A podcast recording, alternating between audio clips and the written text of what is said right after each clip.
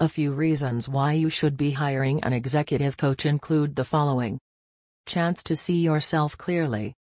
It is widespread for many people not to see themselves. However, understanding one's true self matters the most when in a business or any profession, as employees tend to follow what leaders do. Having the help of a qualified coach can help in understanding what others perceive of you. They will organize feedback that may further help in better understanding how people see your greatest assets and allow you to discover the areas that require improvement. Acquire new ways of reacting.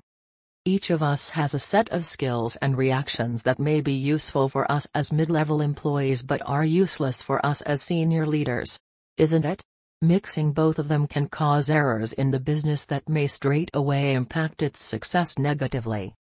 However, having a coach by your side will help you to differentiate between the two and focus on the essential objectives.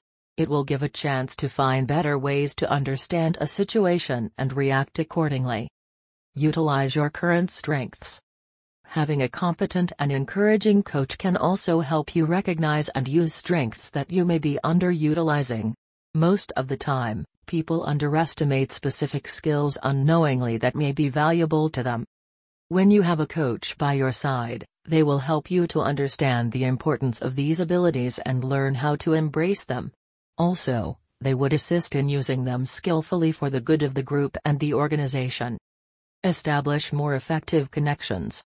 Leaders can significantly reduce their efficacy by limiting their ability or willingness to form close bonds with particular types of people. But having an executive coach can assist in recognizing and challenging the limiting assumptions you hold about people who are different from you. A good coach can help you identify that tendency and work against it.